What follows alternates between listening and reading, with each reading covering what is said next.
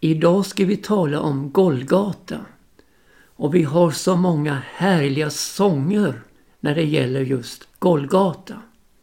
Jag tänker exempelvis på Kom till Golgata, du trötta själ.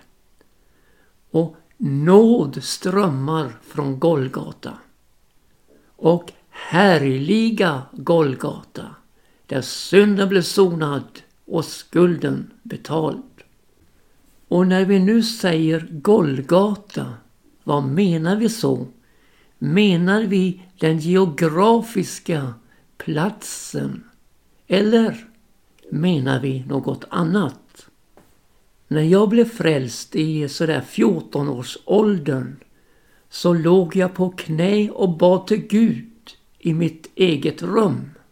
Och så kom min mor in genom dörren och när hon såg vad som föregick så drog hon sig diskret ut igen. Och jag fortsatte att bedja. Och det där rummet och den där platsen den har jag fortfarande i mitt föräldrahem. Men det är ju inte platsen som betyder något utan det är ju upplevelsen jag gjorde där. På samma sätt så kan jag peka ut den dopgrav i vilken jag blev döpt till Kristus. Men det är ju inte platsen, dopgraven i sig själv, som har någon betydelse. Utan det är just det, upplevelsen av att följa Jesus i dopets grav. Och andedöpt, ja det blev jag på en ungdomsvecka i ett stort mötestält på plattformen där vi ungdomar låg på knä och bad till Gud. Där blev jag andedöpt. Men om jag nu skulle lyckas och, och visa på just den platsen där tältet stod, ja till och med där plattformen stod, så betyder det ju ingenting. Utan vad som betyder något, det är ju upplevelsen jag gjorde där. Men det blev inte bara några upplevelser för stunden. Utan det blev snarare ett tillstånd att leva i försoningen. Att få bära med sig försoningen var man än går fram. Med det fullbordade Golgataverket i hjärta och liv. Detta i enlighet med Jesu undervisning till den samaritiska kvinnan. Han säger, den tid kommer då det varken är på detta berg eller i Jerusalem ni ska tillbedja. Utan ni ska tillbedja Fadern i ande och sanning. Till sådana tillbedjare vill Fadern ha. Inte platsen i sig själv, men innehållet av ande och sanning. Och själva platsen blir utbytt mot innehållet. Och människor har så lätt för att falla in på sakrala platser. Alltså där den ena platsen då skulle vara heligare än den andra. Och när det gäller Golgata så har man så lätt för att få en sakramentalistisk ingång till just platsen. Och då leva i symboler men utan liv. För Golgata, det är ingen plats som verkar utan omvändelse, sinnesändring, jag tror på Jesus. För det hjälper inte, förstår du min vän, att bordet är dukat och rätterna serverade. Du måste själv äta. Äta av det bröd som har kommit ned från himlen som ger världen liv, Jesus Kristus. Därför heter det så här att den som tog emot honom gav han makt att bli Guds barn åt den som tror på hans namn. Vi kan inte tillåta oss att leva på symboler när verkligheten själv finns hos Kristus. Ja, verkligheten i ett fullbordat verk på Golgata. I honom, i Jesus, har vi försoningen, förlåtelsen för våra synder. Ja, där har vi hans renande blod som renar från all synd. Där har vi livskällan som väller fram med hälsokraft från hans sår. Och evigt liv i honom. Golgata är ju en historisk plats där historiens viktigaste händelse ägt rum. Ja, där historiens största seger vunnits. En seger som gäller för tiden. En seger som gäller för evigheten. I detta fullbordade verk av Jesus. När vi var i ett semane, då fick vi med oss det här. Ske icke min vilja, utan din. Det var liksom det viktigaste i Jesu kamp. Det viktigaste att där övervann han och vann seger för sin fortsatta färd mot Golgata. Inget dröjande på stegen utan en klar inriktning mot Golgata. Ja, färdvägen var lagd i denna överlåtelse till Guds vilja. Och när vi nu kommer till Golgata så finns det något vi måste få med här. Och det är just detta skriftuppfyllelsen. Skrifterna måste i allt uppfyllas. Som talade om att just detta måste ske. Det talas om det i Guds handlande med sitt folk. Lammets betydelse i uttåget från Egypten. Och det talas om det i Gamla testamentets offertjänst. Där offren sker, ja det betydelsefullaste offret under året på försoningsdagen. Då överste prästen träder in i det allra heligaste för att offra för folkets synder.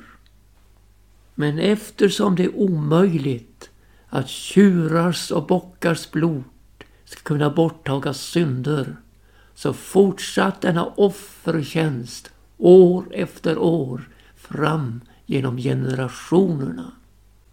Och det talas om det i ord hos profeterna som frambär budskapet om honom som skulle komma för att försona synden.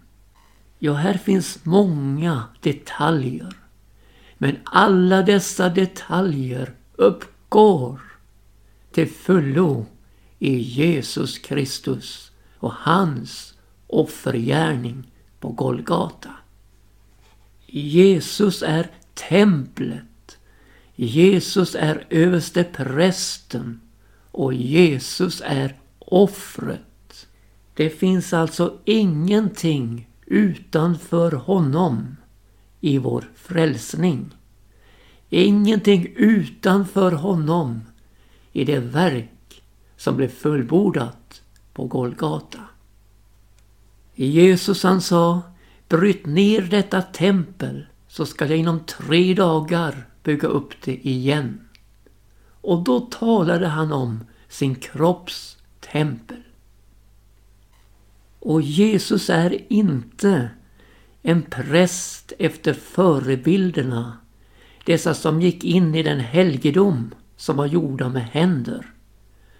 Utan Jesus, han är den överste präst som gick in i själva himmelen.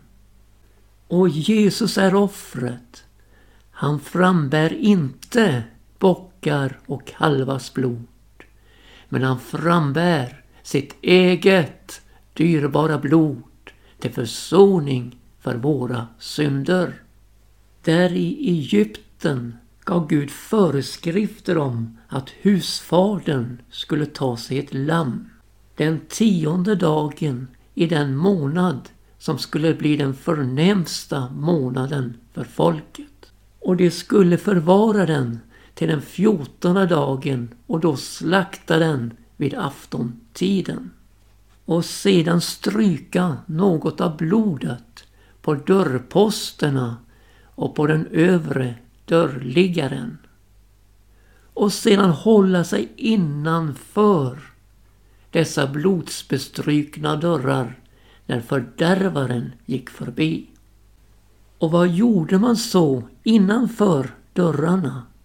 Jo, man åt av påskalammet. Det slaktade lammet och fick tillfört den styrka som skulle till för vandringen ut ur Egypten mot löfteslandet. Ja, man skulle äta det med hast för man stod inför det stora uppbrottet.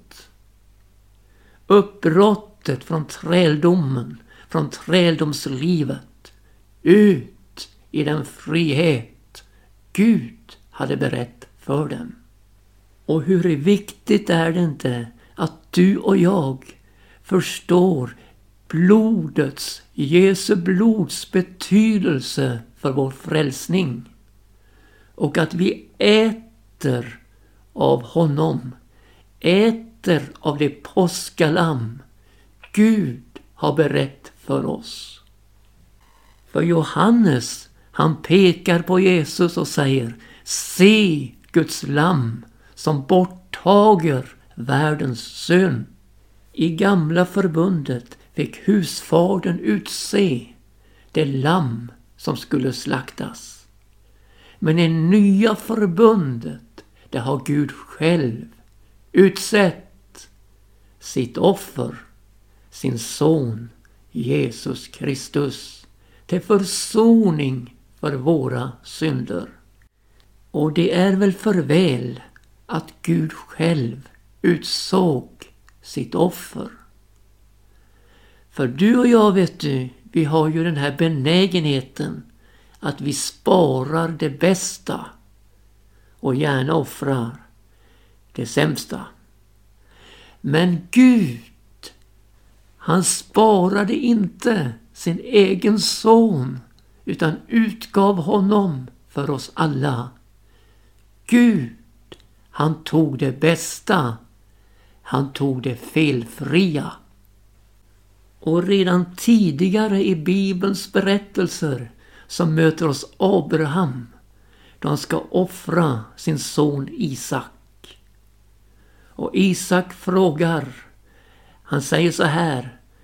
Här är veden, här är elden, men var är offret? Han får till svar av Abraham, Gud utser nog offret åt sig, min son. Det var det som hände före världens begynnelse. Gud utsåg offret. Och där på Golgata sker offrandet. Då Jesus offrar sig själv för oss. Vi har bland annat i Bibeln, i psalmernas bok, ett par psalmer som talar väldigt tydligt om händelseförloppet på Golgata. Där David i profetisk ande var förutsäg vad som ska hända. Och det är psalm 22 och det är psalm 69. Där i psalm 22 så talar David profetiskt om en dödsmetod som inte fanns före romarrikets tid, nämligen korsfästelsen. Det heter mina händer och fötter har det genomborrat. Han får också med att intet ben ska sönderslås på honom. Han säger, jag kan räkna alla mina ben och vidare om hans kläder. De delade mina kläder mellan sig och kastade lott om min klädnad. Och i evangelierna heter det så. Så gjorde nu krigsmännen. Och de försmäktande orden från Jesu läppar. Eli, Eli, lema sabachthani.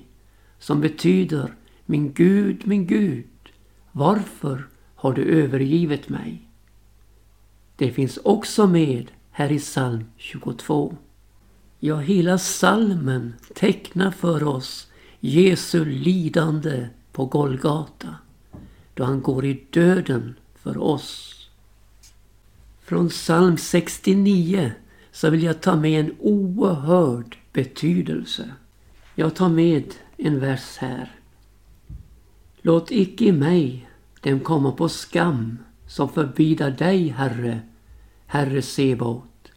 Låt icke i mig dem varda till blygd som söka dig, du Israels Gud. Det talar om att Jesus gjorde intet för sig själv, men gjorde allt för oss. Det som söker Gud skulle i Jesus finna den fullständiga tillförsikten. Ingen kommer på skam som tror på honom. I honom finns försoningen för våra synder. I Jesus finns vägen öppnad till Gud för oss.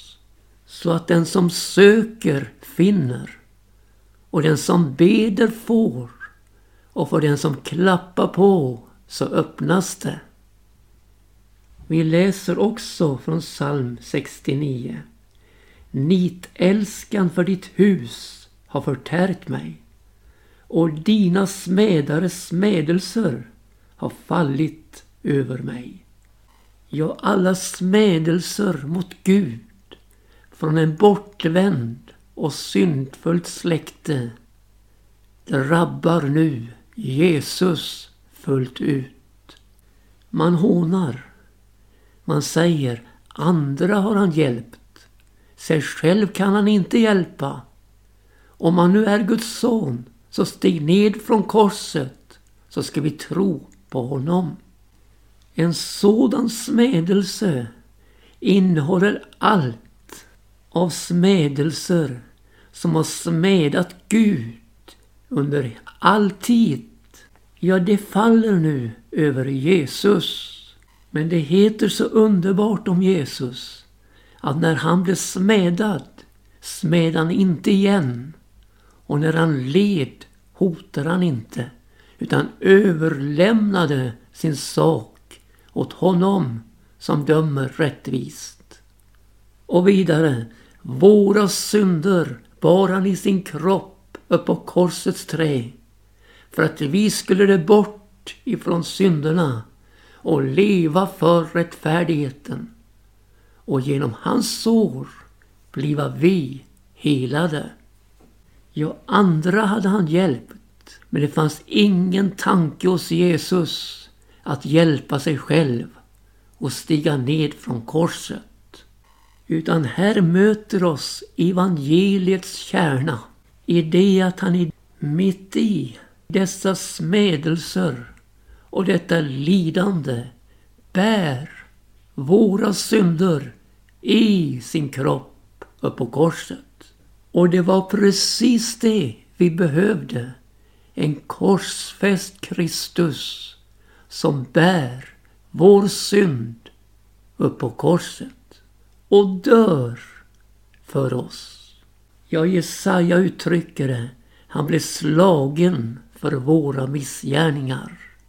Straffet blev lagt på honom för att vi skulle få frid. Och genom hans sår blev vi helade. Ja, smädarna fick inget gensvar på sina smädelser. Han smäder inte igen. Han var tyst såsom ett får. Som ett lamm förs han bort att slaktas. Som ett får som är tyst inför den som klipper det. Ja, han öppnade icke sin mun.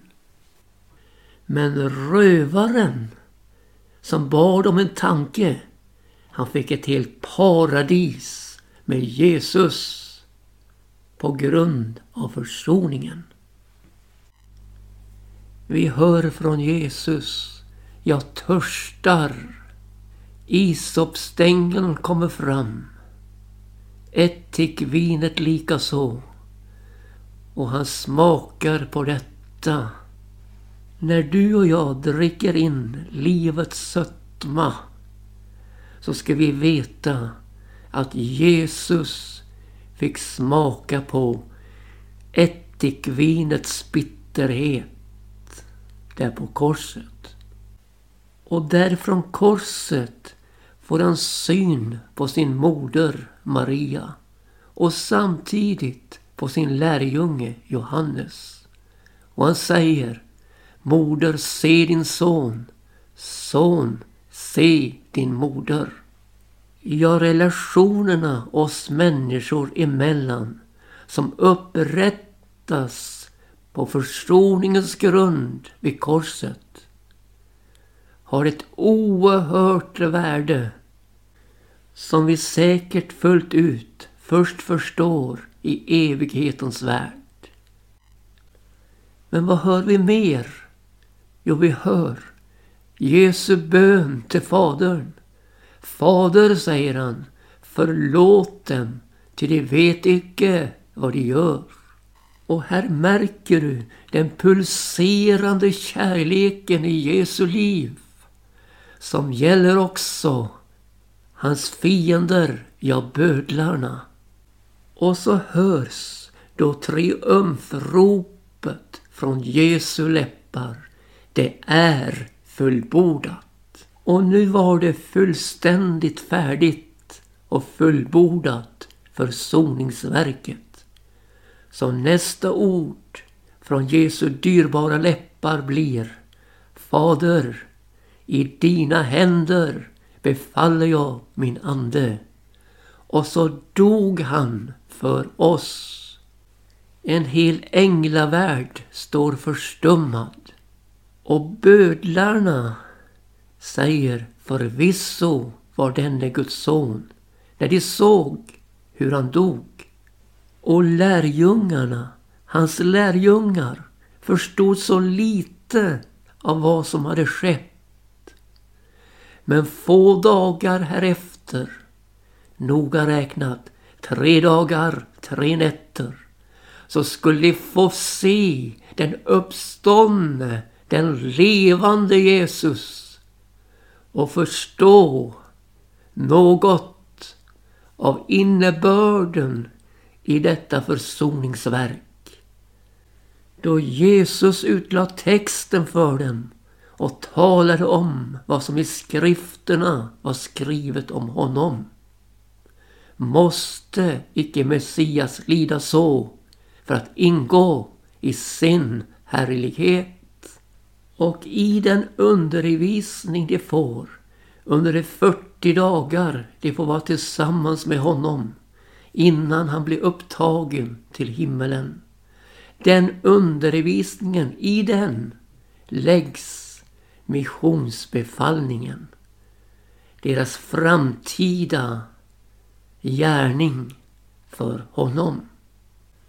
Försoningsverkets betydelse skulle utbredas av dem som har mött den levande, uppståndne Jesus och blivit beklädda med kraft från höjden. Och här får vi vara med av bara nåd med den insikt och den förståelse som bara den helige Ande kan ge oss över bibelordet och utbreda hans kunskaps vällukt till vår omgivning. Golgata täcker min skuld Din fläckade liv min synd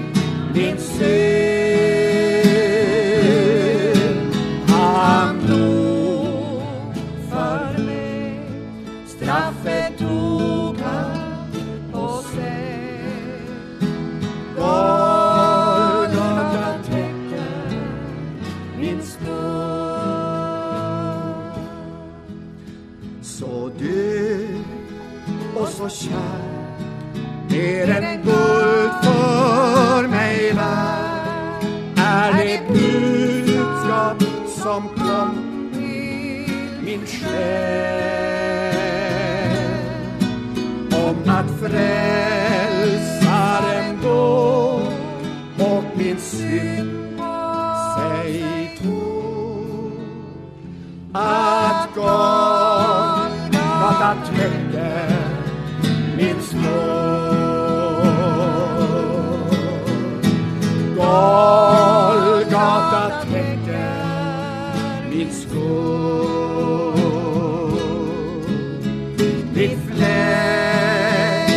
你。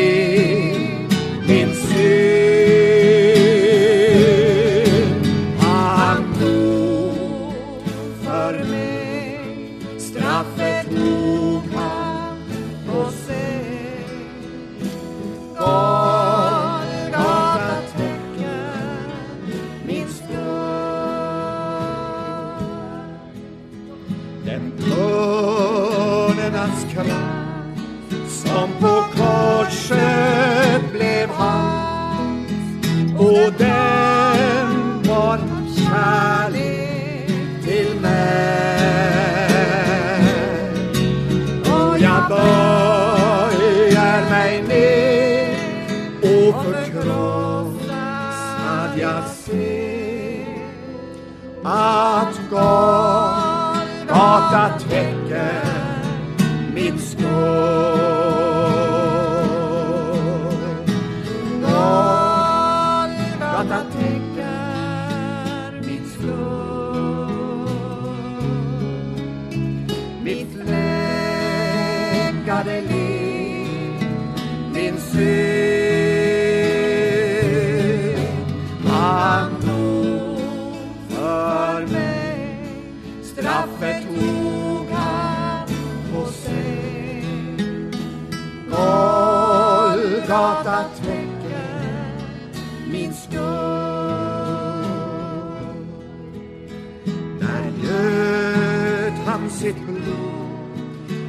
kunna frälsare gå för att det